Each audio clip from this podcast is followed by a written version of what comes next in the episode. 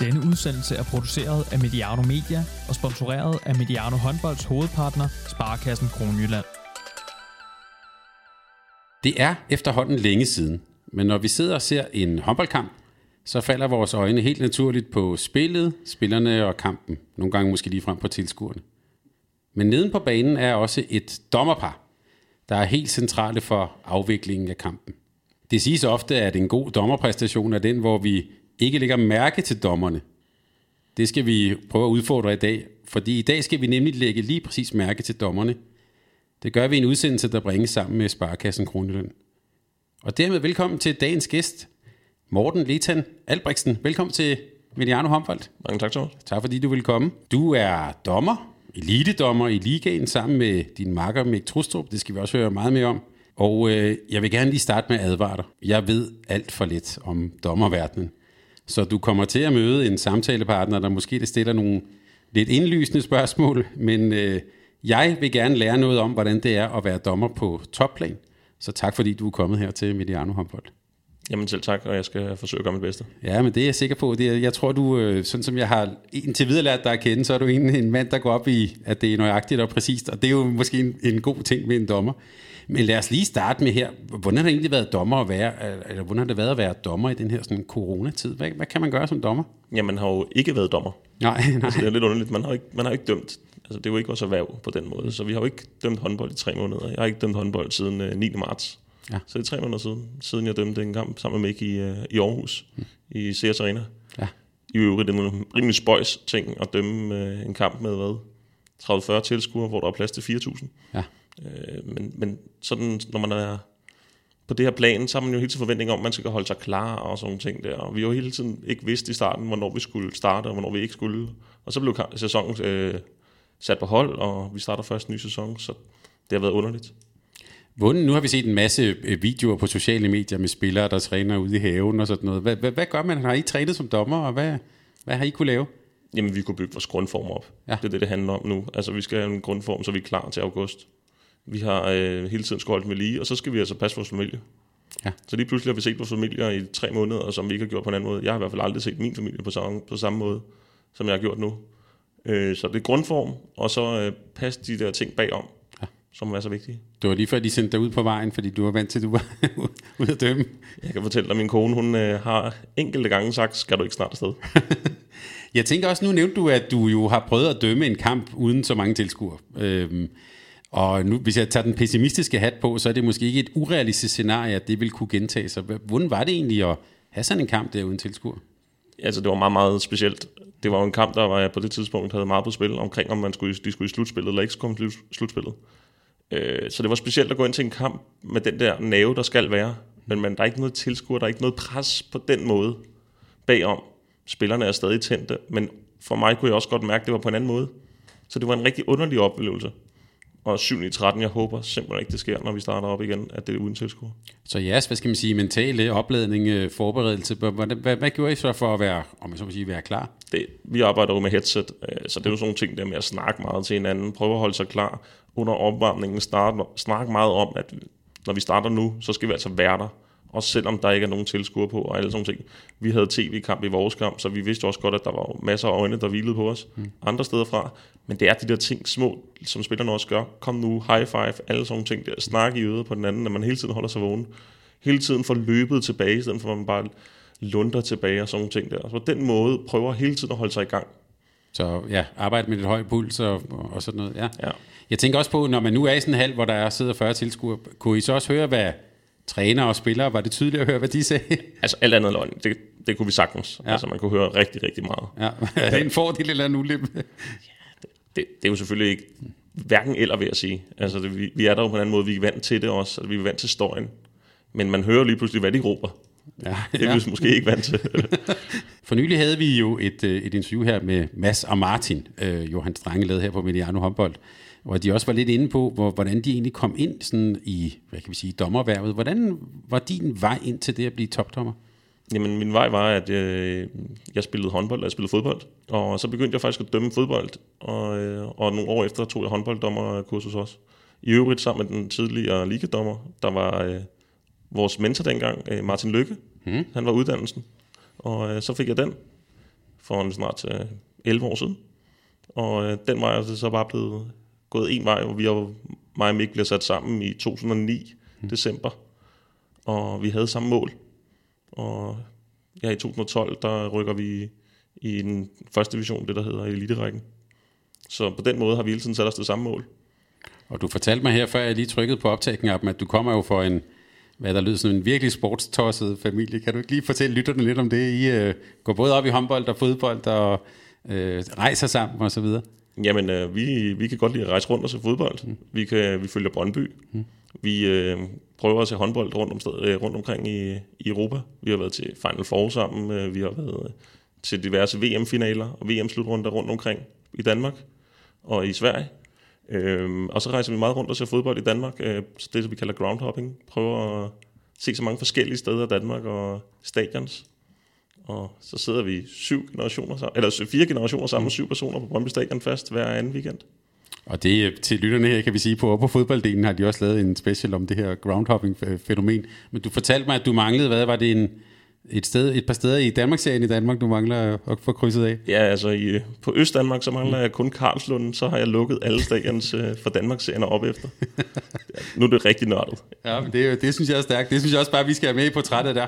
Men hvis vi lige går tilbage til det med dommer, hvad var det egentlig ved, ved nu var du både fodbold- og håndbolddommer, hvad var det ved det at være dommer, der sådan tiltrak dig? Hvad var fascinationen ved det? Altså, man kender alt det der kliché, som der bliver snakket om. Vi, vi var ikke så gode spillere, mm. derfor så blev man det der var også den der med, at øh, jeg mente, at jeg kunne gøre det bedre end dem, der dømte dengang. Ja. Og jeg har altid haft den holdning, hvis jeg siger sådan nogle ting der, så må jeg også bevise, at jeg kan gøre det bedre. Ja. Det er meget vigtigt for mig, at ikke bare rende rundt og være en eller anden sofa brokker, der bare ikke ved noget om det, øh, og så heller ikke viser det. Så jeg vil gerne vise, at jeg kunne være bedre end det, der skete. Og hvis jeg står og brokker mig på en bane, dengang jeg var yngre, så skulle jeg også kunne vise, at jeg var bedre nu. Og den måde, man leder en kamp på, det fascinerer mig at være leder på det plan og få en kamp til at fungere i 2 gange 30 minutter. Det, jeg ved godt, det lyder forkert, men det tænder mig. Altså på den måde, det giver mig et kick at få det til at fungere. Var du så en, nu bliver jeg jo nysgerrig, var du så en, der gik og brokkede dig til dommeren, da du selv spillede? Altså, jeg var helt ung, var det, var det slemt. Mm. Øh, det blev bedre med alderen, og, øh, men jeg kan desværre godt lyde lidt bedre vidne, når man, når man ved lidt bedre, synes man selv. Mm. Så det har været en vigtig ting for mig, da jeg kom højere op, at jeg stoppede med at spille, for jeg vil ikke lyde bedre vidne. Mm. Det er meget vigtigt. Hvis vi nu tager, hvis vi lige spoler tiden tilbage til, da du var sådan en dreng der, hvad er det så, man brokker sig over ved dommeren? Er det, hvis man føler sig uretfærdigt behandlet, eller sådan hvad, Hvis du ser det fra den side, hvad er det egentlig, man brokker sig over? Jamen, det er jo den, den håndboldmæssigt, og det er jo den ene side, der må de godt, og den anden ende, der må man ikke noget. Eller mm. Man får nogle skub fra siden, som den anden ikke gjorde og man føler, at man bliver straffet hårdere end den anden. Det er det der med, med forskelsbehandling, føler man. Der, jeg tænker ikke, der var så meget i det. Men det er, den der, er det sådan en retfærdighedsfølelse, tror du? 100 procent. Det er ja. en retfærdighed. Altså, du vil jo du vil gerne have retfærdighed. Øh, det vil man i alt, hvad man gør jo. Ja. Øh, så det synes jeg er vigtigt. Det synes jeg var vigtigt. Det synes jeg faktisk også er vigtigt. Ja.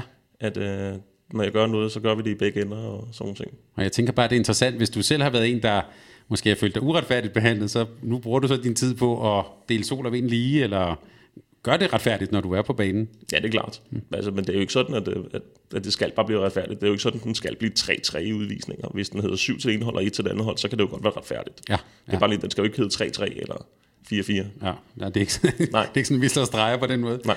Hvordan, nu nævnte du det her med, at øh, du tog dommerkort, og øh, du blev, øh, du blev peget med, med, med de gode marker, Mik, der.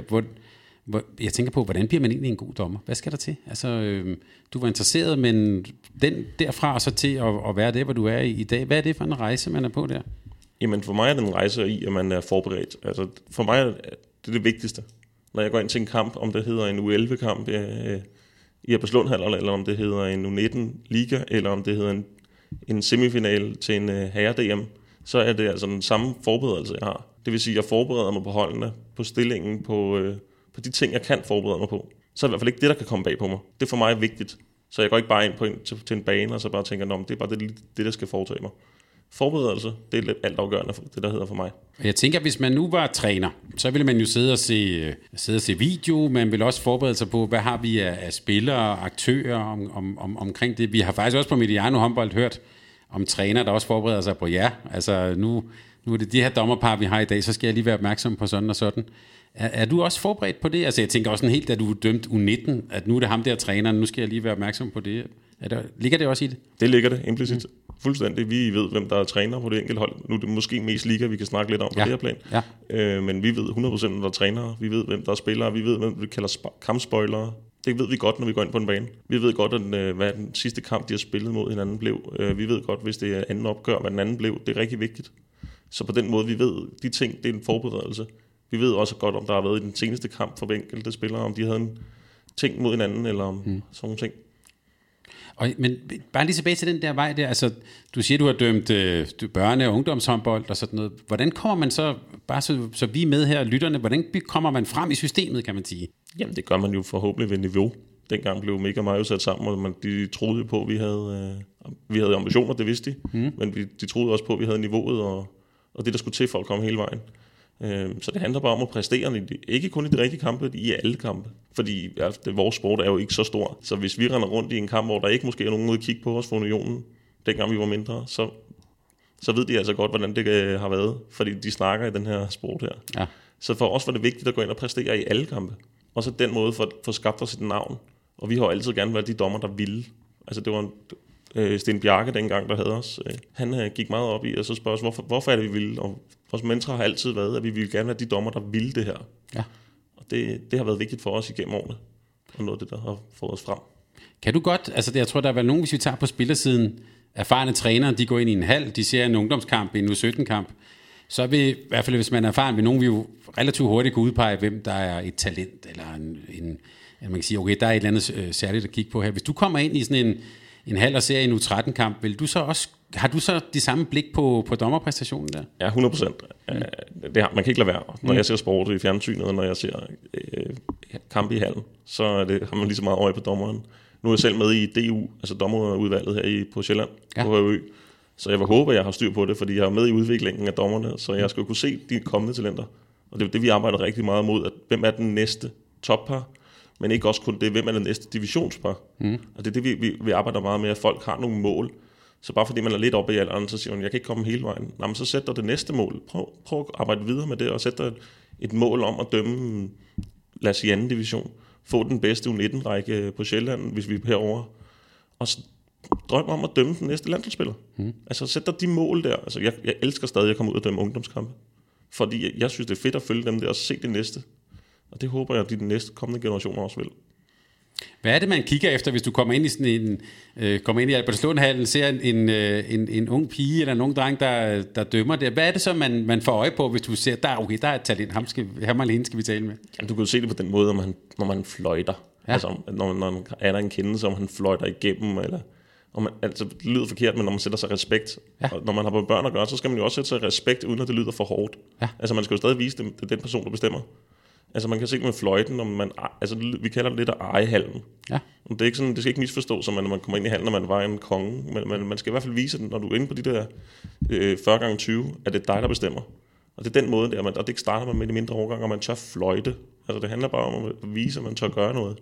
Om det er så forkert, det kan vi sgu altid øve bagefter. Men at man tør. Så det er sådan øh, kropssprog og øh, attitude er måske et forkert ord, men det, det er vel sådan øh, sin adfærd i forbindelse med kampen. Det er vel også en form for lederadfærd i virkeligheden. Det er det jo. Altså ja. du starter med ledelse på en mindre plan bare. Men det er jo den måde, din, dit kropssprog, din attitude, øh, det er helt sikkert noget af det der. Så den måde, du, dit adfærd gør. Det er også derfor, når man har rykket op igennem rækkerne, så var der noget, der hed divisionskursus i gamle dage, fordi man skulle lige pludselig ændre sin mantra i, at man kommer ikke usøjneret af sted, og mm. sådan nogle ting der. at Man, man, folk lægger mærke til en, når du leder. Så det, jeg hørte dig faktisk også sige, det er ikke så meget, om man kan reglerne. Det, kan- det kan man altid lære, eller... Jamen, det kan man jo. Mm. Ja, det er jo ikke, altså, der er nogen, der har talent for det, men altså, man, kan også, man kan godt lære reglerne. Det kan du læse dig frem til, og du kan gøre sådan nogle ting der. Men hvis du, hvis du mangler det der ting med at gå ind og tage, tage ansvar, så er det altså svært. Du skal ture at tage et ansvar, når du er håndbolddommer. Og nu nævner du det her med, øh, at du også har dømt børne- og ungdomshåndbold, og stadigvæk har sjov ved det. Hvor- Hvordan oplever du egentlig sådan øh, stemningen omkring dommerne, når du kommer rundt i, i Danmark? Jamen, det jeg ser mest af alt, det er jo sådan, at, altså forældre er jo også ambitiøse på deres børns vegne. Mm. Men man ser også, at forældre de også godt kan se, om en dommer er ambitiøs. Det vil sige, når jeg, altså noget af det fedeste, jeg har fået at vide i den her sæson, når jeg har været nede og dømme på et lidt lavere plan, der dømte jeg nu 15 kamp.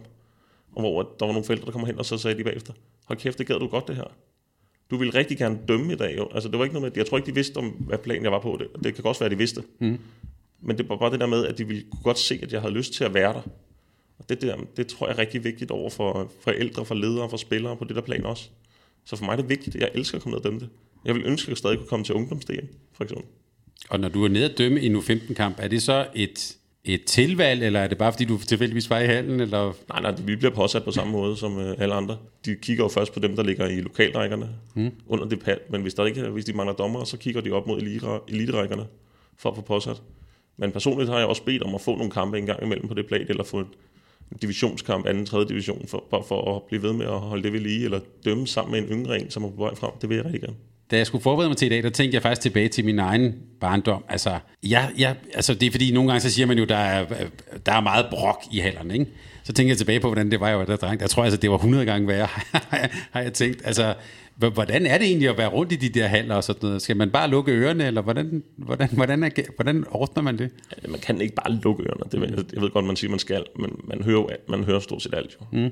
Øh, så man skal jo virkelig kunne sætte sig ind i, at det er bare det, der bliver råbt. Men så må klubberne også sætte sig ind i, hvordan, altså, så man har en plan for, hvordan man ikke, man tolererer ikke sådan noget over for, for, for dommer. Ja. For dommeren står oftest alene, eller i hvert fald kun sammen med sin marker. Øh, man, man skal jo kunne klare det. Alt andet er det der med, at når der bliver råbt nogle ting og sådan nogle ting, at man skal kunne skille, hvad er, hvad er skidt og kanel. Altså forstår man ret, at der er nogen, der bare råber noget, bare for at råbe noget.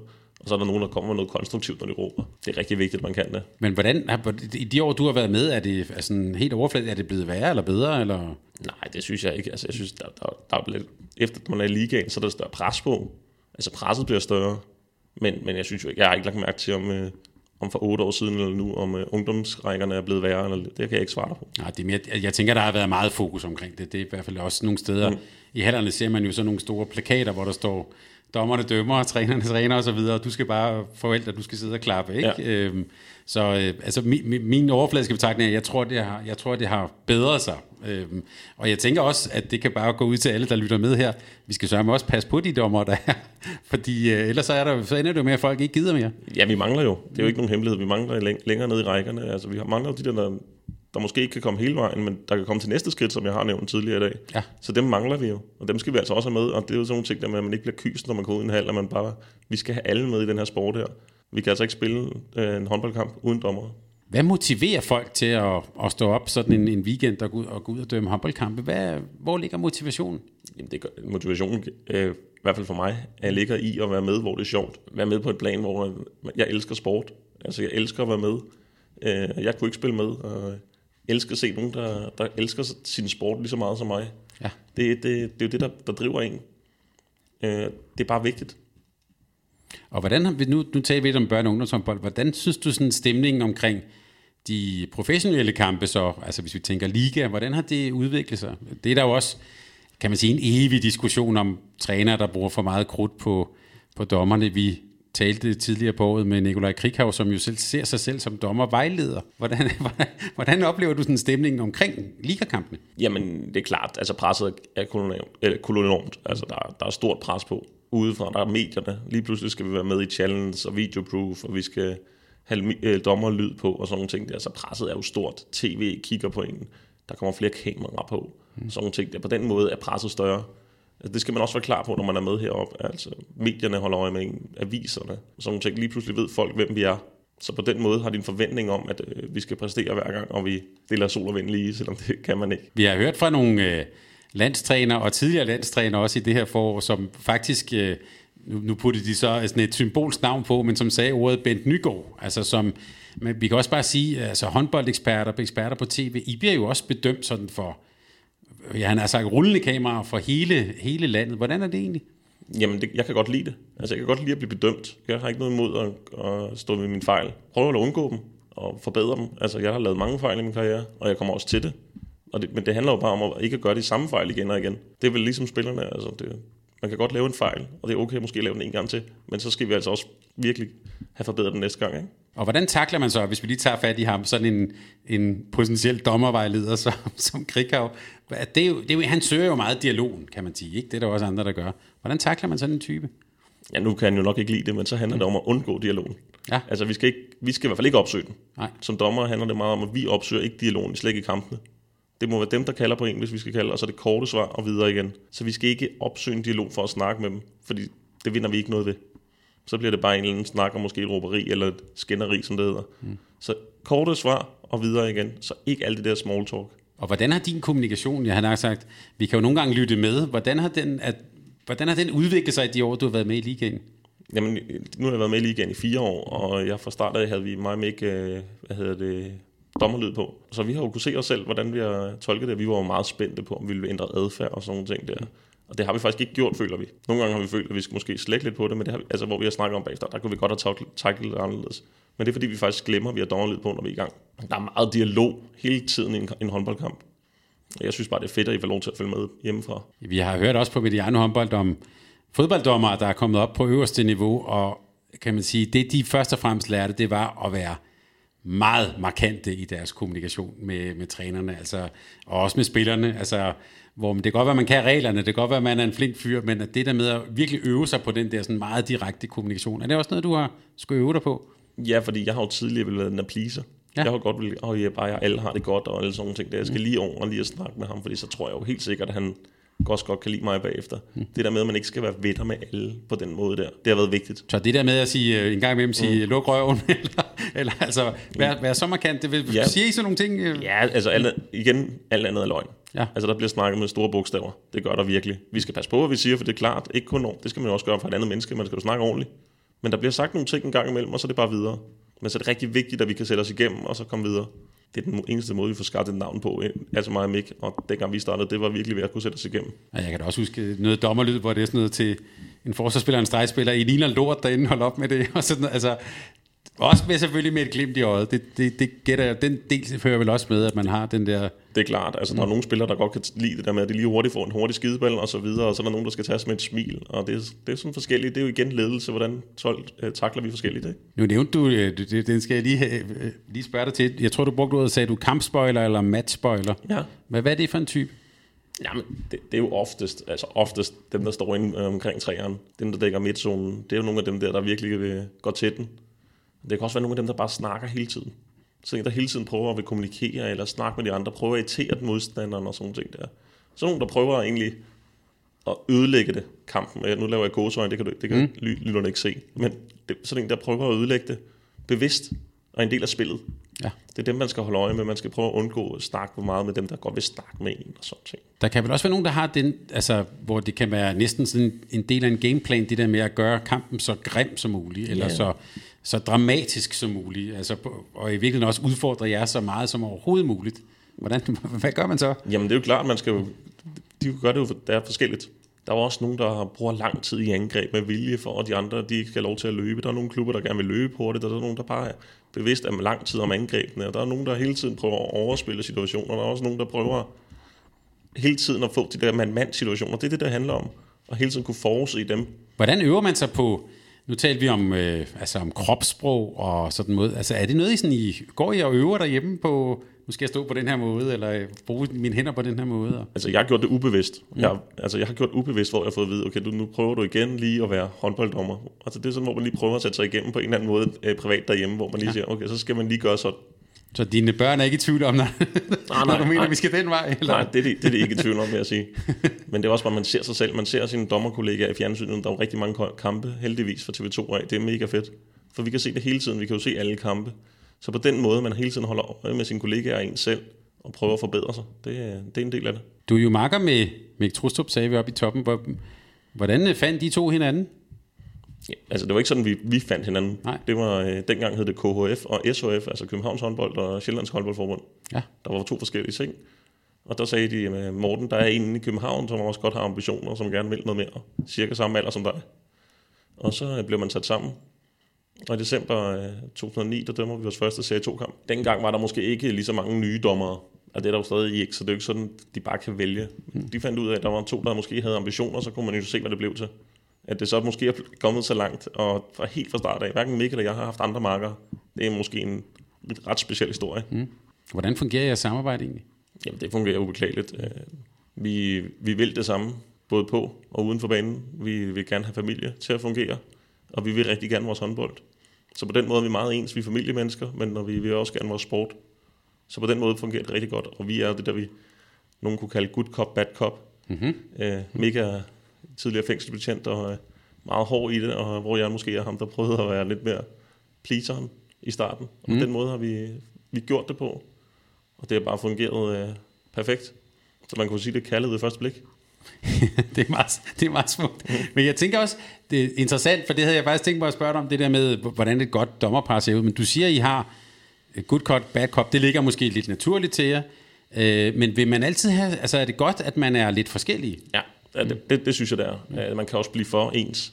Øh, man kan også blive for forskellige, vil jeg sige. Så Ja. vi skal jo selvfølgelig se håndbold relativt ens. Og det synes jeg også, vi gør. Vi ser håndbold meget ens endda. Mm. Men men man, man skal også være forskellige i måde for at tænke på, hvis vi begge to er ligesom mig, det ville være, det ville være forkert. Og hvis vi begge to var sådan hårde nogen, det ville der heller ikke være noget godt i, tror jeg. Så det der med, at der er en blanding af lidt af hvert, det, det er rigtig godt. Men hvad er det gode ved, at I har de der forskellige, så, hvad skal vi sige, øh, kvaliteter, kompetencer, profiler? Hvad, er- hvad er fordelen ved det? Jamen det er jo fordi, når vi, når vi ser tingene, så, så den ene gang, så, så gør han det på en måde, jeg gør det på en anden måde. Øh, han ser tingene på en ene måde, på den anden måde. Og det er rigtig vigtigt, når, man, når, vi, når vi efterevaluerer også sådan nogle ting. At Mik, han kan godt se det på en anden måde, den ene situation. Hvorfor gør jeg ikke sådan, og måske, eller hvorfor gør jeg ikke sådan, kan jeg sige til ham. Og så prøver vi den måde at prøve at blive, komme tættere og tættere på hinanden, og komme på, tættere på den rigtige kendelse hver gang. Sådan nogle ting, som vi har headset, at den ene snakker, mere, prøver at snakke til den anden, eller den anden prøver at sige til den anden, nu bliver du nødt til at sige stille, for jeg skal koncentrere mig. Og det var der, hvor vi skal, jeg vil gerne snakke i headsettet, hvor ikke måske må, er lidt med den der introverte på den måde, han har ikke brug for at snakke. Så på den måde prøver vi at implementere hinanden. Arbejder man også på dommersiden med sådan noget personprofiler? Det har vi hørt en del om Garuda og sådan noget, man bruger i dansk håndbold. Har man også sådan, den type sådan profiler inden for dommerverdenen? Ikke decideret. Mm. Altså, vi ved jo godt, hvor vi ligger henne. Mm. Altså, øh, men vi har ikke decideret øh, de der skabeloner. Det er jo noget, det, vi rigtig gerne vil på sigt. Ja. Jeg ved også, at uh, Mads Hansen har snakket meget om. Det er sådan nogle ting, vi gerne vil forbedre. Når nu, nu har I kendt hinanden rigtig længe, og I har været i alle mulige forskellige situationer, øh, tænker jeg på. Hvor, hvor vigtigt er, altså er I også sådan private venner, eller er det mere ja. sådan arbejdsfællesskab? Nej, vi er også private venner. Vi har været med til hinandens bryllup, og altså, jeg mødte jo Mick, før han mødte sin kone. Mm. Øh, og jeg plejer at sige, at jeg har boet på flere hotelværelser med Mick, end vi har med vores respektive koner. Men jeg tænker også, nogle gange skal man jo også kunne måske give hinanden en skideballe, eller, mm. eller i hvert fald, I, I skal, jeg tænker også, I skal jo kunne, også kunne evaluere på hinandens præstationer, eller Det, det er vildt vigtigt, men det er også vildt vigtigt, at vi kan give en anden plads. Mm. Altså, nu har vi haft den her pause, og så må vi stole på, at den anden holder sig i gang og sådan nogle ting der. Fordi når vi sæsonen er i gang, så ser vi hinanden rigtig tit. Vi snakker sammen rigtig tit, så nu har man jo også brug for den her pause, og det tror jeg ligesom, det har bare været sådan givet at nu har vi lige brug for at være væk fra hinanden, og så når vi starter igen i august, så er vi, altså, vi er jo ikke sammen 24-7, men vi æder med meget sammen. Vi sidder meget bil sammen, og vi evaluerer sammen efter og før og sådan ting, så vi, vi bruger meget tid sammen. Men i modsætning til for eksempel fodbold, hvor der har man jo en hoveddommer, og der er linjevogter og, og, og, og så videre. Her er I jo meget ligestillet. Kunne du tænke dig, at du var fodbolddommer, så var det dig, der bestemt? Ja, men det kan man, tror jeg ikke på, vi kan i vores sport. Mm. Øh, fordi vi, det er rigtig vigtigt, vi har til det, vi kender hinanden. -agtigt. Øh, vi ved, hvad hinanden gør. Men jeg ved godt, at nu prøver vi også, og det synes jeg også er meget fedt, at nu prøver vi med en trekløver herhjemme. Altså vi prøver med det der trepar Ja. øh, til næste sæson, og det, det prøver vi også at se, om ikke er givetigt, så man kan se det fra andre vinkler. Øh, altså også efter kampen, når man eftervaluerer, som der også er blevet snakket meget om, de ting der. Så nu er der en tredje mand indover måske, der skal evaluere. Altså en dommermæssigt. Øh, men, men lige nu tror jeg, det er rigtig godt for mig og Mick, at vi er, vi er, hvad hedder det, kun os to, så vi ikke skal have en tredje mod mand at se det på. Ja, der var, jeg tænker også, der er noget med dynamikken med tallet 2 og 3 og sådan. Altså, der, ja. der kan også være noget at være et par og ikke et... Øhm, jeg tænker, når I så sidder og evaluerer sådan noget, hvornår har I egentlig dømt en god kamp? Jamen altså, ens egen mavefornemmelse er jo klar. Det er også fedt at have. Og det er også, alt, alt andet vil være løgn at sige, når det, det er jo fedt, når der kommer nogen hen og så siger, at I har gjort det godt. Mm. Men det er altså ikke ens betydende med altid med, at, øh, at vi har gjort det dårligt, hvis de ikke gør det. Nogle gange, der på det her plan her, der er det altså, de har ikke behov for at komme over og rose en. Så det kan godt være, at vi har gjort det dårligt eller godt. Det ved vi ikke. Så nu skal vi også øh, evaluere med en observatør bagefter. Men meget af det er ens mavefornemmelse. Altså, synes vi selv, at vi kan være den her øh, indsats bekendt? Det er jo ikke sådan, at kampen er blevet 1-0, og så er den færdig. Det er der jo ikke noget, der hedder her i den her sport, eller 28-28. Her der prøver vi jo bagefter, så evaluerer vi. Øh, når vi dømmer håndbold, så er der jo ikke en eller anden facit, at det var sådan, det skulle være. Så det er lidt jeres fornemmelse for, hvordan det er, øh, hvordan det er gået, når I, når, I, når I sidder og taler om det. Og jeg gætter også på, hvis det er gået rigtig godt, så siger folk bare farvel, og hvis det er gået dårligt, så skal I nok få det at vide, eller hvad? Ja, men jeg synes også, de er gode til at rose en, når man har gjort det godt, eller både medierne, jeg synes også, de er gode til at give både kritik, men også at kunne give ros. Mm. Det, det synes jeg, de skal have meget ros for at give, trods alt det er ikke kun den ene vej. Sådan, det, den, den har følelse har jeg i hvert fald slet ikke. At det kun handler om at hænge folk ud. Det, det har jeg ikke. Heller ikke for ledere, trænere. Ja, direktørerne i klubberne, de er også gode til at komme over og rose en, hvis, de har gjort det, hvis man har gjort det godt. De siger også den anden vej, og det, det kan jeg godt lide. En spade for en spade, det, er sådan, det har det meget godt med. Men vi blev evalueret efter kampen med en observatør, efter hver kamp, når vi er med i ligaen her, og i første division her. Og der får vi jo evaluering af en, kan man sige, en ufrivillig, uh, uvildig, der kigger på os og har vurderet os. Så det sker, og vi lige om lidt, så skal vi, kunne jeg nemlig godt tænke mig, at du talte sådan en kampdag igennem, men hvis vi lige er på den der evaluering, altså det, det vil sige, I får faktisk en umiddelbar feedback, lige så snart I er færdige. Ja. Altså, fordi der vil man jo, ved jeg, på, på mange ligaholdene, der vil man gå hjem og se det på video, man vil lige tænke sig om. Ja. Øh, og så så der, der går faktisk ofte måske et døgn, før man laver den der evaluering. Det gør det ikke her. Nej. Der går en halv time, Ja. cirka. Øh, Efter kamp, øh, så får- bliver vi evalueret på den måde, at vi kan se situationer igennem, og observatøren får et stik af kampen, og han kan trykke øh, nogle situationer ind under kampen, som vi kan sidde og se. Og så kan man sidde allerede der og have evaluering. Han skulle gerne have lavet evalueringen inden, altså vores præstation, sådan, så han ikke skal se situationerne, inden han vurderer. Der tror der er 15 punkter. Mm. Alle mulige. Det kan være skridt, det kan være kampledelse, det kan være passivt spil, og så videre, så videre, så videre. Og så er der nogle punkter nede i bunden, der hedder, om du har været god, meget god, eller middel, eller tilfredsstillende, og sådan ting. Jeg hørte dig sige, at der er sådan nogle, kan man sige, tekniske ting, øh, men der er vel også jeres kampledelse og... Øh, Der er jo både det, det, prakt, altså det, det teoretiske, men der er også det praktiske. Du mm. bliver målt på det hele. Altså det, og det er faktisk, at kampledelse, det kan man jo ikke måle på øh, i en regelbog. Hvorimod længere nede i, i, i vores øh, punkter, der er der det der med, der er skridt, der er kampstreg forsvar, der er passivt spil, og så videre, så videre, så videre. Så det bliver målt på begge ting. Er det en god, bare sådan helt, hvis vi lige tager os ind i den situation, er det en god læringssituation? Altså jeg tænker, øh, tror jeg for mange spillere sådan noget, altså adrenalin har været op at pumpe, og man kan, at de kan, det kan være, de kan tabe med en og sådan noget. Det vil jeg sige, det er måske ikke den bedste læringssituation lige der. Men er det det for jer dommer, altså sådan kort tid efter en kamp? Og, Det er i hvert fald rart lige at se nogle kendelser lige hurtigt efter en kamp. Det især hvis vi har haft nogle kendelser, som vi er i tvivl om. Og det har man jo. Altså man kan jo ikke få en kamp, hvor man siger, jeg er ikke i tvivl om noget. Mm. Jeg er i tvivl om mange ting, når jeg er færdig. Og nogle ting er vigtigere end andre. Det er klart, der er jo nogle skridtkendelser, som måske ikke er vigtige, hvorimod at der er nogle kampafgørende ting, som er rigtig vigtige. Det er rigtig, rigtig vigtigt, også når man inden man skimmer sig over, man har fået set situationen igennem det. Det synes jeg er rigtig, rigtig rart. må I godt tale med medierne efter en kamp, eller hvordan, hvordan er sådan reglerne omkring det? Ja, det, altså vi må gerne. Ja. Øh, Vi skal men kun om, om ens egne kendelser. Altså Ja. det vil sige, Mega og mig må ikke gå ud og snakke om andre.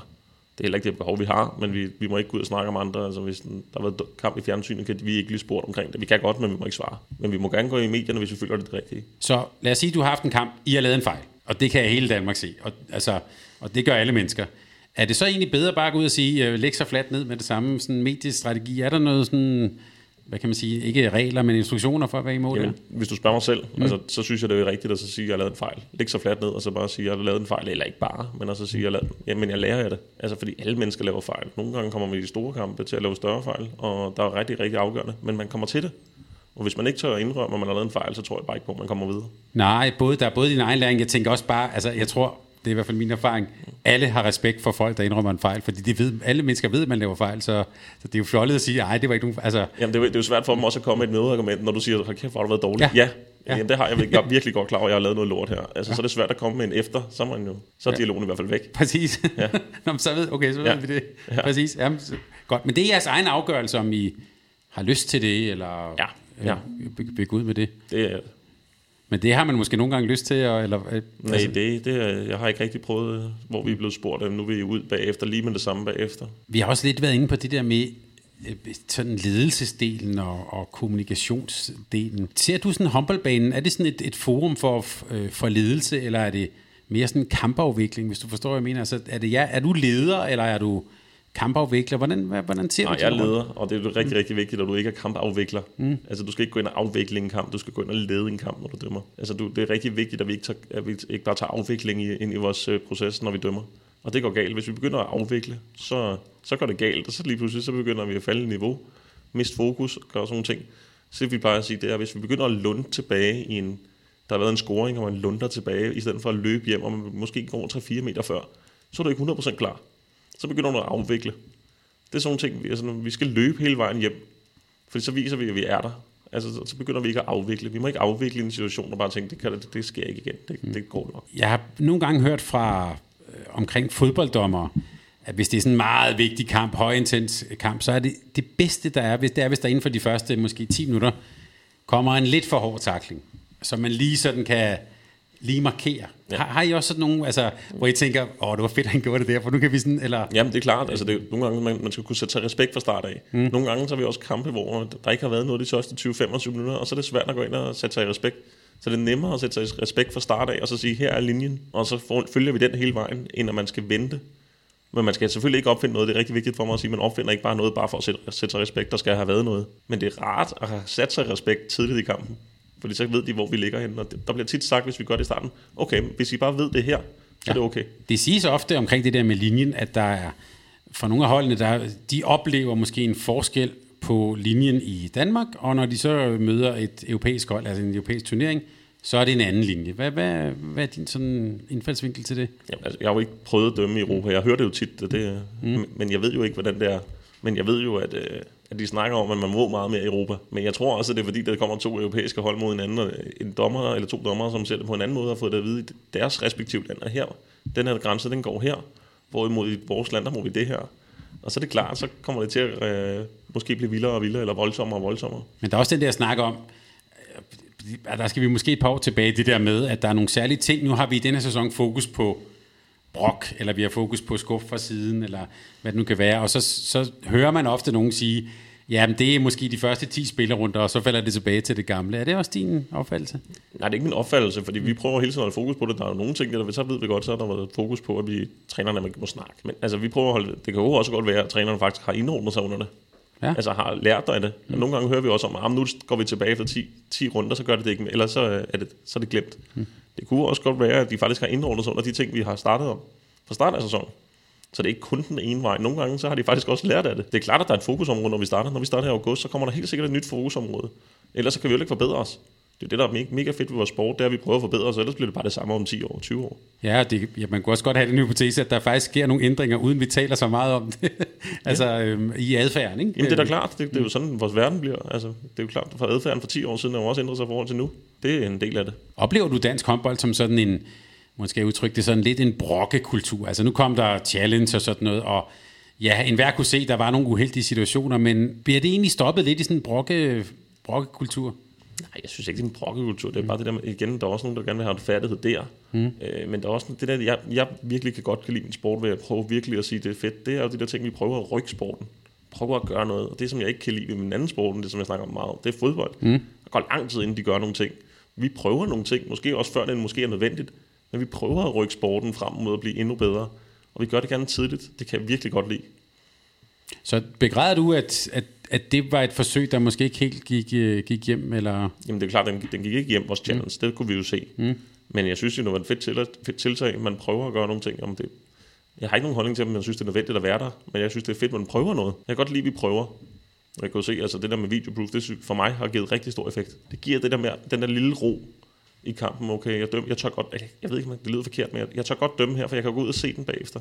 Altså ikke for, at man skal se den for at se den, men man, man, man tør i hvert fald, man har muligheden for at, at lave, at erkende sin fejl allerede i situationen, i stedet for at vi skal spille videre med en kæmpe fejl. Og når I nu har den der good cop, bad cop relation, er der så en af jer, der er mere villig til at gå ud og kigge ind, end den anden? Nej, eller? det er faktisk meget sjovt. Altså, der er vi helt ens omkring mm. det der. Vi er meget, det, det er ikke altid sådan der, at jeg vil jo gerne ud og kigge meget, tror jeg, men tror folk, men mm. ikke vil mindst lige så meget ud og kigge.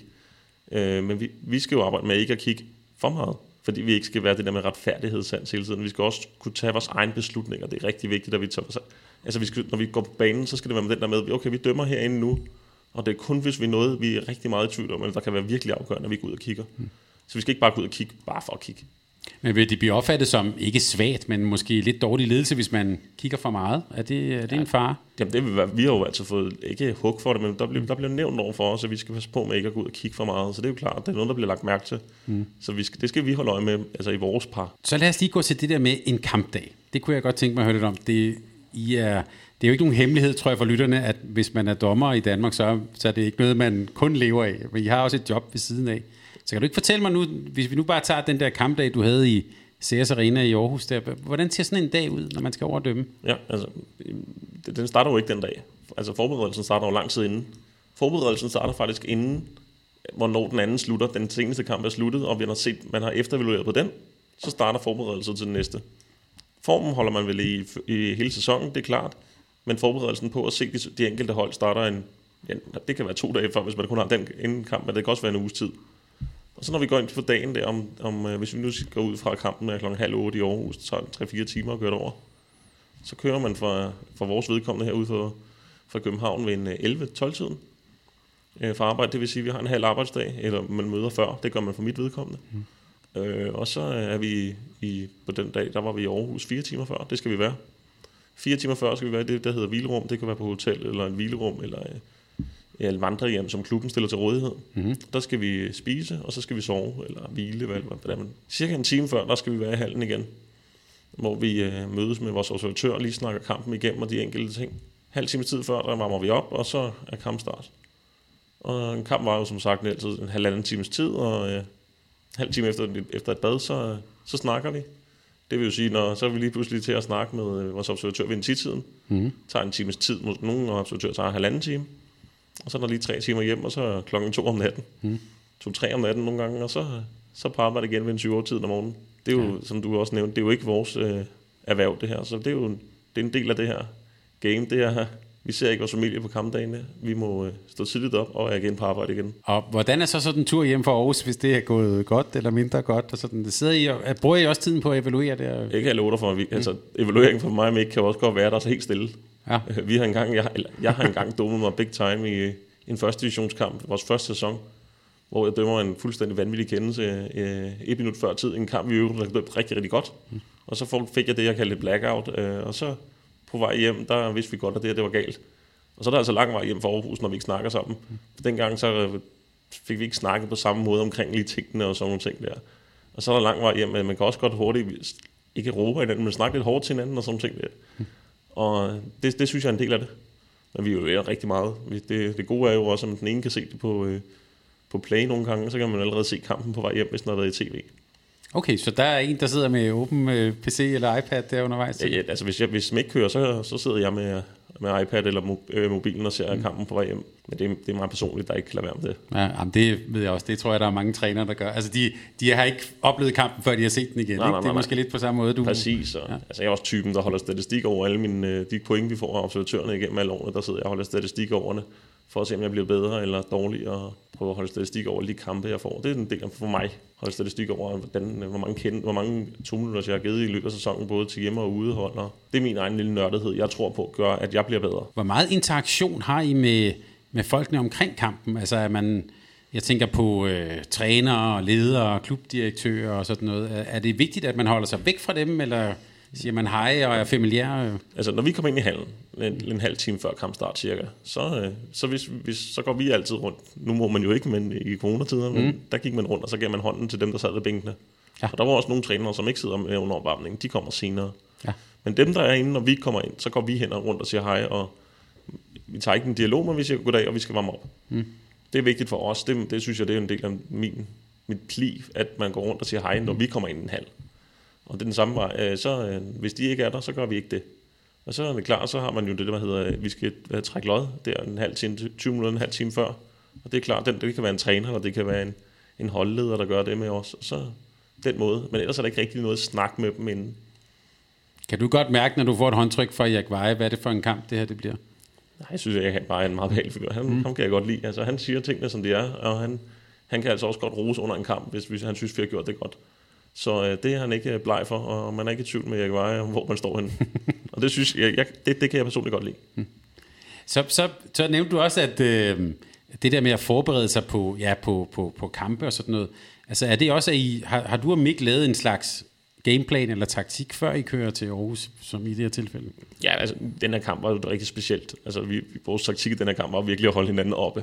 Ja. Og det tænker jeg altså også, det var for spillerne og for alle. Ja. Lige den her, det er specielt. Det var rigtig, rigtig specielt, det der. Jeg håber ikke, at det sker igen. Øh, det, var, det var jo en slags træningskamp med noget på spil. Hmm.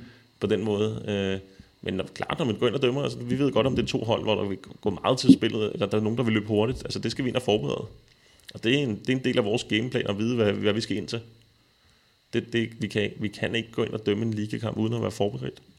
Men har jeg også, jeg ved, at man taler meget om, der er visse muldmænd, de har jo sådan en, en sort bog, hvor de bare har skrevet alting ned. Har I også sådan en, der hedder, den der venstrefløj, han plejer lige at, øh, lige at, at få fat på hoften på en på en særlig måde, eller altså, er der sådan nogle... Nej og ja, altså vi, vi ved, har, kender jo godt spillerne, Men, men vi prøver hele tiden at have de der, få de rigtige vinkler på. Det er mere det, det handler om. Prøve at få den rigtige vinkel på den enkelte situation. Så man, når man ved, at der går en fløj, at man ikke står i en blind vinkel, at man får rykket sig, og det, og det er jo så gerne, at det skal være automatisk i alle situationer, når fløjen går, og man får rykket sig, så man kan se de ting, uagtet, uanset hvad. Det er sådan nogle ting, vi skal forberede os på, og sådan nogle ting, vi hele tiden forberede os på, går de meget for fløjene, eller går de meget ind over, eller meget spil ind over stregen. Altså sådan ting, det er det, vi skal forberede os på. Og nu, øh, nu har lytterne jo så hørt, det var det, jeg gerne ville også vil frem til. Du kommer så hjem der halv tre, tre om natten. Kan man godt falde i søvn der? Jeg har svært ved det. Altså, mm. det har jeg svært ved. Især hvis jeg har været øh, rigtig højt, altså man, man er høj på adrenalin, så jeg falder ikke bare i søvn. Men jeg har heller ikke nogen problem med at stå op dagen efter, fordi der skal man bare i gang igen. Det er trods alt det, jeg lever af. At det er min øh, hverdag efterfølgende. Så jeg har heller ikke problem med at stå op. Men det kan godt være om eftermiddagen, at jeg så er færdig. Mm. Det er nok mere der, den ligger. Men for at være dommer på jeres niveau, Kræver det en øh, forstående arbejdsgiver, øh, at man har sådan en vis fleksibilitet? Ja, det, det er klart. Du skal have en meget fleksibel job. Øh, jeg er lige nu leder i en Brøndal-butik ved mm. Vestgrossist, så jeg kan selv styre min hverdag på den måde, at jeg skal have butikken til at fungere. Og derefter, så kan jeg gøre, hvad jeg vil hvis jeg butikken fungerer, så er min chef sådan meget laissez-faire. Mm. Øh, så det er klart, du skal have en meget arbejdsgiver, der forstår det her. Eller så, man kan arbejde på tider. Så skal jeg lige drille dig lidt. Når du så ligger i det der hvilerum, der kan vel godt være kommet et eller andet, øh, en forsendelse, der ikke er kommet, eller et eller andet en leverandør, der har svigtet jer, eller sådan noget? Ja, øh, nej, jeg, jeg prøver, eller har, når jeg der lukker den der, når jeg kørt hjemmefra, og vi er i Aarhus, det kan godt være, at jeg snakker undervejs, men når jeg så er i Aarhus, for eksempel for den kamp, så slukker jeg. Og jeg slukker altså også sådan, så jeg sover. Jeg har brug for de der to timer. men det, jeg tænker også, altså, det, det jeg også vil frem til, er selvfølgelig, at vi oplever jo en håndboldverden, der jo bliver stadig mere professionaliseret. Men er jeres, sådan, øh, er jeres vilkår fuldt med? Ikke, øh, vi, vi på ingen måde, det er jo rent en amatørafdeling det her, altså nej, ikke på den måde er den ikke fuldt med, men vi, vi udvikler os, og øh, ja, DHF prøver at gøre meget for os, men det er klart, hvis vi, hvis vi skal også udvikle os endnu mere i, i den her has, som spillet gør, så skal vi have større øh, rådrum over nogle ting. Det kunne være, at man fik lov til at gå på hver dag, at det firma betalt eller et eller andet. Og hvad kunne være, altså ja, ja det var det, det var, hvad kunne være sådan nogle oplagte øh, indsatsområder at tage fat på? Det kunne være tabt arbejdsfortjeneste, for eksempel. Ja. Øh, det, jeg tror ikke, vi, vi er ikke i nærheden af at være der, slet ikke efter den her coronakrise, og det er heller ikke det, jeg, jeg søger. Men det er nogle af de ting, vi kan forbedre. Det kunne være, at øh, vi får en coach øh, indblandet mm. i vores ting, øh, en ledelseskonsulent, altså sådan ting. Vi har en vi har fitnesskonsulent lige ind over nu, så vi bliver varet mål, mål der varet hele tiden. Og det kunne også være sådan ting, der gør, at vi bliver endnu bedre. At vi også får en træners indblik meget mere i, i vores observation. Hvordan ser træneren det? Altså, mm. fordi vi bliver kun observeret af en dommerfaglig ting. Men hvordan ser en ufravillig øh, dommer, eller træner vores øh, kendelser? Det kunne også være sådan ting. Så når I har et øh, dommerseminar og sådan noget, er det, er det sådan en er det en adskilt verden? Altså det er ikke sådan, der kommer en træner og fortæller, hvordan de ser det. Altså jeg tænker sådan helt, sådan, øh, vi har træner, og så har vi dommer, og det er ligesom to forskellige verdener, eller? Nej, ja, nej det synes jeg ikke. Jeg synes, vi er meget åbne Vi har haft Ulrik Vilbæk på besøg, og mm. vi har haft Dan Philipsen fra TV2 indover, og vi har haft mange ting. Vi har haft Litgård, da han var lige efter han stoppede i Skjern øh, som spiller, der var han også ude og, og fortælle lidt om, hvordan han så det her spillet mellem træner og, øh, og øh, træner og leder og dommer er dommer. Det er jeg spændt på. Hvad, hvad, hvad, hvad min klit går om, om dommerne? Mange vil huske ham i hvert fald som en interessant forsvarsspiller, lad mig sige det sådan. Han kom med et godt input i hvert fald, og det er ikke sikkert, det er rigtigt, men han kom med et input, og det er sjældent angriberen, der starter. Der har også været meget fokus på, faktisk ikke så meget i Danmark, men nogle af de internationale ligaer på, altså de her øh, officials, på svensk taler man om delegorterne. Øhm, hvordan har samspillet med, med, den, øh, med den observatør, den... Øh, øh, ja, det, den bedømmer jeg det jo i virkeligheden også, som, som I har derude undervejs i kampen. Altså, jeg synes, det er blevet rigtig godt, og det, det kommer også i, i forbindelse med, at mig og Mika er blevet anerkendt, også af dem. Så på den måde, at vi har skabt os et navn over for dem, og vi, vi går ind til den der filosofi, når vi går ind til en kamp, så er vi en trive. Vi kan ikke være der uden dem. Altså, vi kan ikke, vi, en ligakamp kan ikke spilles uden en observatør. Altså, så kunne vi ikke have fokus på andet end bænkene også. Så på den måde, altså, så for os er det en trive, når vi går ind til en kamp. Det er ikke ham og os. Det er, vi en trive. Det er rigtig, rigtig vigtigt. Det, det, er, det er også en fisker lidt efter, det er, at de er jo både en øh, marker, men de er jo også jeres bedømmer og chef ja. sådan, altså, øh, så jeg tænker, kan I godt give dem en opgave, der hedder, prøv lige at høre efter, hvad der foregår derovre, eller sådan noget. Jamen, det, det, det arbejder vi meget med, og så siger de, skal vi, okay, skal vi holde øje med det? Skal, skal I have meldinger omkring, om I har givet gule kort, eller hvor mange gule kort I har tilbage? Skal I, hvad, hvad vil I have at vide? Mm. Altså sådan nogle ting der. Er vi enige om, at jeg tager mig alt af bænkene, eller hvordan gør vi her? Så vi har lige den der hurtige øh, snak omkring de der enkelte opgaver. Det, det er meget vigtigt. at vi har øh, opgavefordelt, hvem der gør hvad. Men der er jo så lidt det specielle, det er så også vedkommende, som så bedømmer dig bagefter. Ja. Jeg ved også, at man har prøvet at arbejde på, at der sad en dommerbedømmer op bag i, som slet ikke skulle fokusere på andet end os. Men igen er vi ude i noget med nogle penge her, som, som gør, at det kan man ikke bare. Og hvis vi så kigger på spillet på banen, nu nævnte du det der med, at der er nogle hold, der løber meget og sådan noget. Hvordan har du oplevet øh, altså både udviklingen af spillet, men også måske dit, dit ryg op igennem rækkerne? Der bliver meget tale om fysik og sådan noget. Skal I også blive, øh, er I også blevet hurtigere på de første meter og sådan noget? Altså, Altså, vi skal i hvert fald være hurtige til at, det, vi kalder at vende rundt. Ja. Altså, for det går edder med med stærkt. Vi, men, men vi må også bare acceptere, at vi kan ikke nå at vende rundt, hvis der kommer en fløjspiller, der bare tuser op ad linjen. Mm. Altså en kontra. Så hvad er det det vigtigste er? Det er altså ikke, om der er overtrådt, det er, om der kommer en svinestreg. Så det er sådan nogle ting der. Det er klart, at vi skal prøve at virkelig forbedre vores øh, fysik for at være med. Men vi må også bare acceptere, at vi kan ikke nå at vende rundt, hvor at fløjen allerede er stukket lang tid inden det. I ved også godt, som når man er leder og træner, at man siger, modsatte fløj er afsted, mm. så kan vi jo ikke nå det. Altså, vi kan jo ikke nå at følge med på de, altså, så hurtigt er de. Så på den måde, der er det klart, så, men vi skal forbedre os på vores fysik for at være med. Men så skal vi også udstille det der, der hedder skidt og kanel. Hvad er det vigtigste? Mm-hmm. Altså, hvad er det, der er vigtigst? Om der kommer en svinestreg, eller om der måske er overtrådt, og sådan nogle ting der. Jeg tænker også, altså der er, jo- der er jo ret mange situationer i håndbold, jeg tænker efterhånden, som særligt på herresiden, øh, flere kilo, øh, hurtigere fødder, øh, det, bliver jo, det tror jeg, det er jo nok noget, der aldrig rigtig stopper. Det er der nok ikke, ikke et topmål for, og det går stærkere, ikke? Øh, hvad, hvad for nogle krav stiller det til jer med, og, og I skal træffe nogle meget hurtige afgørelser? Øh, håndboldreglerne er jo ikke, det er jo ikke sådan, de er altid er krystalklare, vel? Nej, nej, det er ikke sort-hvidt. Hvor- Hvordan, hvordan, hvordan takler man det? Altså, jeg tænker bare på, det må vel for pokker blive mere og mere kompliceret at være dommer. Det er det også. Det er en vurdering meget, det vi tager os. Mm. Altså, og så spørgsmålet om den rigtige vurdering, eller om den fortolkning, som vi har fået udstillet inden sæsonen. Så vi får nogle fortolkninger, og vi skal følge de fortolkninger i hele sæsonen, eller indtil vi får andet at vide. Og så er det klart, det skal vi gøre. Og så er det klart, det er en, alt det, det her, det er en vurdering, og så er spørgsmålet, om vi vurderer rigtigt. Det er det, det handler om. Og nu er vi vurderinger, så er der et par spørgsmål, jeg, jeg godt lige vil vende med dig. Øhm, I hvert fald, hvis, man, hvis, hvis folk, der ikke ser håndbold hver eneste dag, hvis de ser slutrunder og sådan noget, så ved jeg, at noget af det, som, man, som kan være rigtig svært at forklare, det er de der situationer, hvor lad os sige, der kommer en, en bak på ydersiden, du har en fløjspiller, der egentlig øh, på en måde både dækker sin egen fløj op, men så også går ind og bakker op. Og så sker der tit de der situationer, hvor det kan være angrebsfejl, eller et straffekast, eller hvordan, øh, prøv lige at forklare mig, hvordan pokker afgør man, hvad der har været der? Jamen, altså meget af det en fornemmelse, men det er også nogle ting, fornemmelse af, hvem ejer positionen. Det er det, vi skal prøve at vurdere. Hvem ejer positionen? Sådan nogle ting der, som om, hvem fal- falder der flere ind i feltet på samme tid, så skal vi prøve hurtigt at se, okay, kommer der mange ind i feltet, så er der muligvis en angrebsfejl. Eller, eller er den på kant? Altså, det vil sige, hvis er flere ind i feltet, så er der muligvis, undskyld, straffe. Hvis det kun er forsvarsspilleren, der falder ind i feltet, muligvis, så er det muligvis, hvad hedder det, et angrebsfejl. Det er sådan nogle ting, der man skal prøve at fornemme.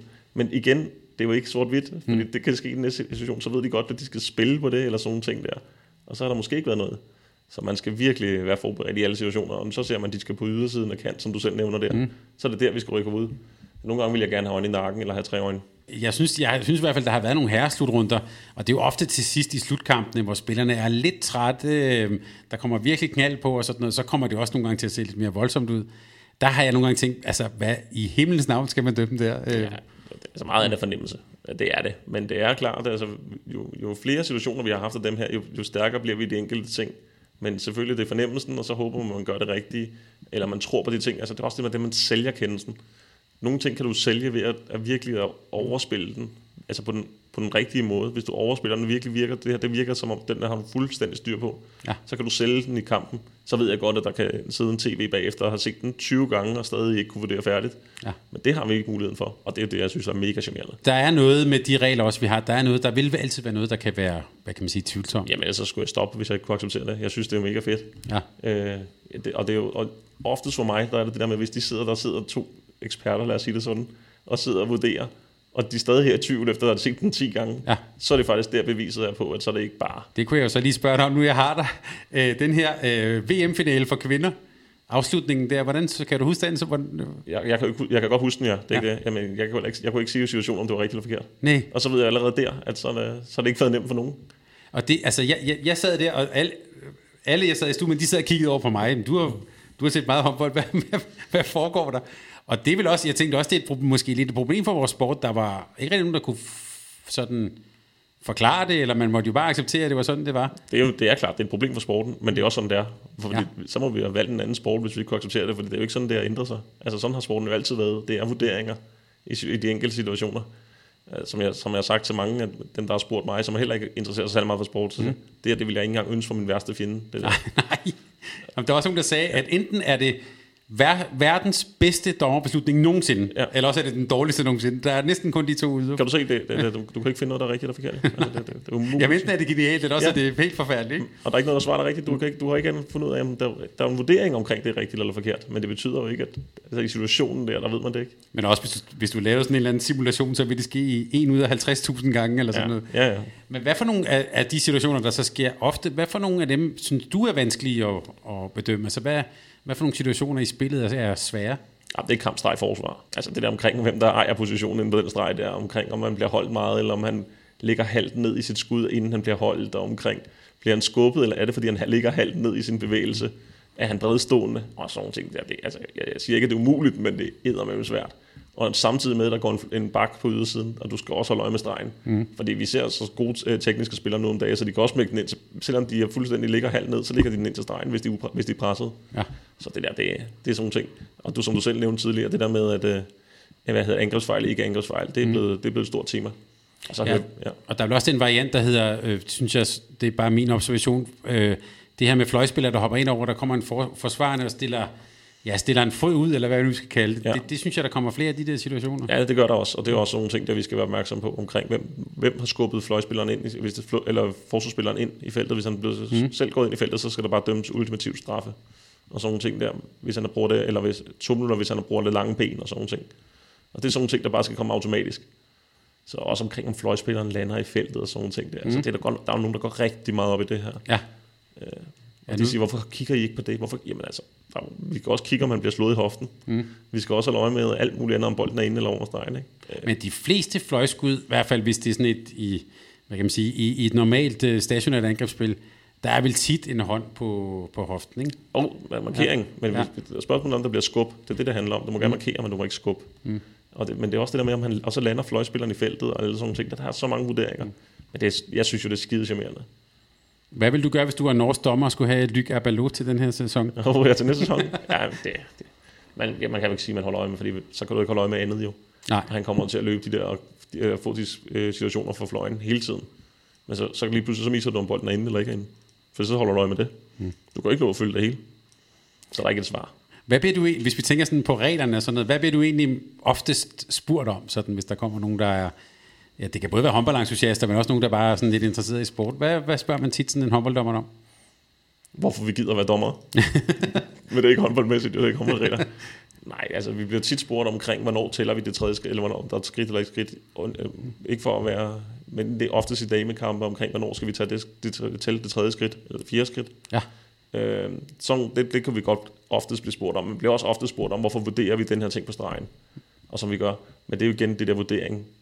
Øh, så er der også det der med, omkring hvis bolden, målmanden kaster den op på den anden side, de skal tage et opgearkast, så er der stadig nogen, der forventer, at vi skal tage hånden op og tage passivt spil med det samme. Mm. Vi bliver også tit spurgt, øh, spurgt omkring vurderinger i passivt spil. Øh, hvor, hvor- hvordan vurderer vi, hvornår vi skal tage den op? Ja. Altså, det bliver vi også bare spurgt om tit. og Det, det, er, en, det er en mavefornemmelse. Øh, Og, og, og lige den her med, øh, ja, det der med, med passivt spil, kunne det være fint, hvis der kom sådan et, et skudur? Ja, det har jeg diskuteret før med andre også. Ja. Øh, så det synes jeg jo kunne være rigtig fedt. Øh, jeg er med på, hvorfor man ikke gør det, fordi det, man vil gerne have, at håndboldspillet skal være ens over hele verden, og omkring, at det, det, måske, det kan i Sydeuropa, eller øh, i Afrika og sådan ting, der kan man ikke bare have et skudur. Mm. Så jeg ved godt, det er derfor, men jeg synes jo, at det, det kunne være fedt for vores sport. Fordi igen er det noget, der bare er med til at hele tiden holde fokus på dommerne, og man tager dem op hele tiden, op med armen, eller ej, hvor hurtigt på armen.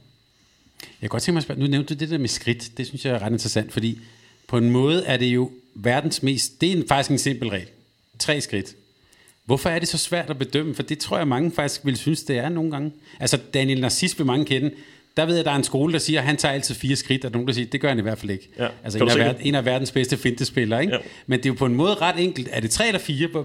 Altså prøv lige at forklare lytterne, hvad, hvad, hvad pokker handler det om? Jamen, det er jo ikke enkelt, fordi du siger selv, at den ene skole siger det ene, og den anden siger, at skole siger det andet. Fordi der er her der igen forskellige vurderinger omkring, lander han på den, når modtager han bolden, så tæller den ikke. Hvis han modtager bolden i luften, når han lander, så, den, så gælder den, så den gratis.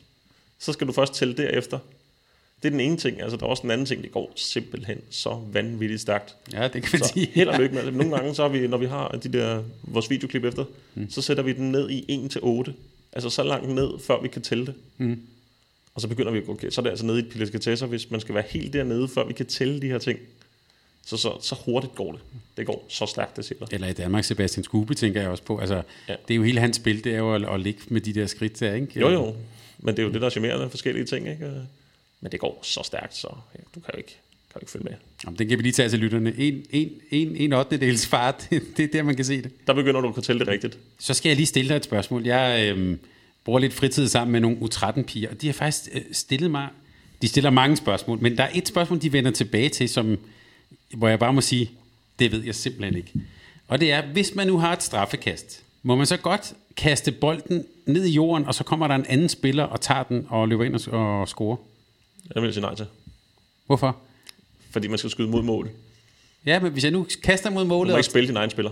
Okay. Ja. heller ikke hvis jeg skyder fremad. Nej, Okay, godt, så har jeg ikke sagt noget forkert til. det Så, håber jeg heller ikke, jeg har. Jeg er ret overbevist om det, jeg siger noget rigtigt. så fik vi det. Så Skal vi ikke aftale, at den tager Jørgen Møller, men jeg er ret sikker på, at jeg er ret. Det er godt, det er godt. Så fik vi det afklaret. Det var også, hvad jeg sagde til dem, at det er i hvert fald, det kan godt være, at man kan finde en, et eller andet loophole i en regel, men det vil nok blive dømt imod dem, så det, det tror jeg, du har ret i. Hvordan ser, øhm, hvordan ser jeres fremtid egentlig ud? Nu er, har vi jo tegnet lidt en rejse, I øh, blev sat sammen, dig og Mik, i 2009 her. Hvad, hvad drømmer I om? Hvor skal I hen? Altså spørgsmålet for mig, det er rigtig enkelt. Er det drøm, eller er det mål? Drøm er klar, det er OL-finalen. Ja, Det kommer aldrig til at ske. VM-finalen, EM-finalen, det er en drøm. Mm. Målet er noget, der er realistisk. Øh, Det er ikke realistisk det andet lige nu. Så øh, det er vores øh, mål, det er hvert år at være i spil til slutspil. Det vil vi. Alt andet er, er for os en skuffelse. Når vi så er i slutspil, så har vi en drøm om at være med i, øh, i hvad hedder det, slut, øh, medaljekampene. Og vi vil rigtig gerne være med i, hvad hedder det, Final Four. Det er vores mål, sådan inden for kort tid. nu siger du, at det aldrig kommer til at ske, så bliver jeg nysgerrig. Hvorfor gør det ikke det? Jamen, vi er, det, vi er ikke med i det, der hedder det europæiske mm. lige nu, så, øh, så på den måde tror jeg ikke på, at det kommer til at ske. Vi drømmer om det, øh, men vi skal også være realistiske, når vi laver mål. Så vi skal ikke have et mål omkring de ting der, for så kan vi ikke andet end blive skuffet. Så mål, det har vi arbejdet meget med, skal være en realistisk mål, og noget, man kan opnå. Så når I sidder, det er der, ved, der vil man gøre i mange klubber, eller et landshold for en slutrunde, så, så taler man jo ofte, så vil man tæt sig sammen på holdet og sige, hvad er egentlig vores målsætning her? Mm. Så når gør I det samme før en sæson? 100 procent. Og det er klart, så havde vi et mål om i år. Den her sæson, der er lige afsluttet, der ville vi gerne være med i Final Four. Vi var så heldige at få damefinalen i Final Four, og blive udtaget som øh, reservepar godt nok, men var med i, ind, skulle være med i boksen mm. som reservepar til finalen. Det var nogle af vores, øh, vores store mål. Og så hvis vi selvfølgelig skulle være med i slutspillet, det ved vi ikke, om vi var, øh, fordi det var ikke udtaget. Og så forrige år, der var vi jo med i en semifinale for herrer og for damer. Det er jo klart, det er noget af det største, vi har prøvet, øh, hvis ikke det største. Mm. Sammen med den Final Four, vi havde for damer. Så det er jo sådan nogle ting, vi sætter os for. Men vi har klar målsætning hvert år. Det hedder slutspil ubetinget. Og hvad skal der så til, før I kommer med i, i det europæiske? Bare lige så, så lytterne er med på, hvordan kvalificerer sig man Jamen, til det? Danmark har jo nogle vis antal pladser. Ja. Og øh, de, de er brugt lige nu, og så øh, nu er vi den alder der, vi ligger i den der mellemvare. Der er mange, der er yngre end os, som kan komme op. Så man satser på dem før, og det er forståeligt. Mm. Øh, så, så lige nu er der, er der ikke plads, kan man sige. Øh, og, men det handler jo også om, hvad vi skal præstere for at være med. Så det handler om at komme igennem det lille nål- nåløje, der er. Og det bliver, det bliver kun mindre, jo, jo ældre du bliver.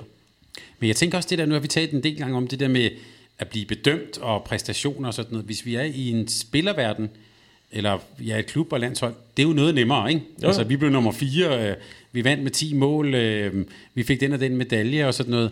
Det er et lidt mere sådan øh, åbenlyst system for alle. Jeres system er jo bygget på, øh, ja, du siger selv, der er et eller andet antal pladser og sådan noget. Mm. Altså, man kan også sige, det er et lidt mere politisk system. Hvordan er det at agere i sådan et, at skulle, eller skulle præstere i sådan et system? Nå, men det, det, det er svært, og det, det har været rigtig svært for mig. På den måde, at det er, jeg havde, ej, jeg håber, man håber måske, at ens kollegaer ikke gør det på samme måde. Jeg har, jeg har faktisk ændret opfattelse her inden for de sidste 3-4-5 år. At nu handler det ikke om alle, hvordan andre gjorde det. Nu handler det kun om en selv.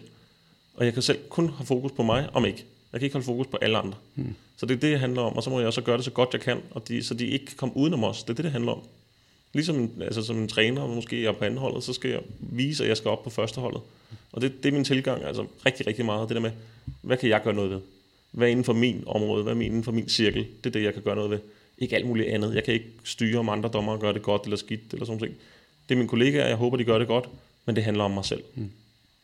Og også lidt, ja, fokus på sig selv, og måske også en kamp ad gangen, hører det næsten at sige. Jamen, det var for et par år siden. Øh, vores helt store mål der, for jeg tror det er to år siden, hvor vi sagde, det handler kun om én ting det her. Det er én kamp ad gangen, intet andet. Og det var det. Vi sagde det til os hinanden hver gang, og vi røg med i slutspillet. Og så, det er klart, da vi kom med i slutspillet og fik en DM-semifinal, lige pludselig blev lagt øjne på os på en anden måde. Så blev der også bare forventninger, når vi startede den nye sæson, på en helt anden måde, og det kunne vi bare mærke. Mm. Lige pludselig havde man forventning på en helt anden måde. Men det er, en, det er en del af det at være med på den rigtig sjove ende. Og øh, nu kan vi sige, nu står vi her i juni måned. Solen skinner nu faktisk uden for vinduet her på øh, Mediano Studier. Øh, håndbolden er så småt ved at komme i gang i nogle haller og sådan noget. Øh, jeg gætter på, I først skal måske først i halv, i, ja, måske hen over sommeren her, nogle, nogle træningskampe eller hvad? Ja, det tænker jeg. Altså, jeg lige på det punkt ved jeg lige så lidt som dig. Hvad er det første, der skal ske, når du træder ind i en hal? Hvad, hvad vil Morten tænke? Jeg vil bare få det der sus der. Øh, det, det der, man kan mærke spillerne, der, der er klar til en kamp, og hvor vi også skal, bare skal være der, for det er jo helt sikkert en træningskamp, det handler om. Mm. Øh, det, det er bare det der med, at man kan ikke sætte sig ind i at komme ind i en halv, hvor du bare skal spille sport. To hold, der skal dyste, det, det er bare det, det handler om i første omgang. Og bare mærke det der med, og så glæder man bare, håber det bare, at der, der er tilskuer på. Det er bare det, der, der giver mig et kick. Det, det er det, jeg håber. Morten, jeg vil ønske dig en rigtig, rigtig god sæson sammen med Mik. Øh, alt muligt held og lykke, og tak fordi du ville være med her på Mediano Håndbold. Jamen selv tak, og tak fordi jeg måtte komme. Det er jeg glad for. Og vi blev en lille smule klogere. Jeg blev i hvert fald, jeg fik afklaret et enkelt regelspørgsmål, og vi blev, også, vi blev også klogere på, hvordan det er at være elite- og topdommer i Danmark. Tak fordi du var med. Selv tak. Tak fordi du lyttede til en podcast af Mediano Håndbold. Hvis du kunne lide udsendelsen, så husk at abonnere på Mediano Håndbold, der hvor du hører podcasts. Så får du den seneste udsendelse serveret direkte til dig. Du må gerne fortælle dine venner om os, og husk at følge os på Facebook, Twitter og Instagram. Mediano Håndbold kan lade sig gøre, takket være Sparkassen Kronjylland. Vi har gået hånd i hånd siden foråret 2018, og de er med os hele 2020.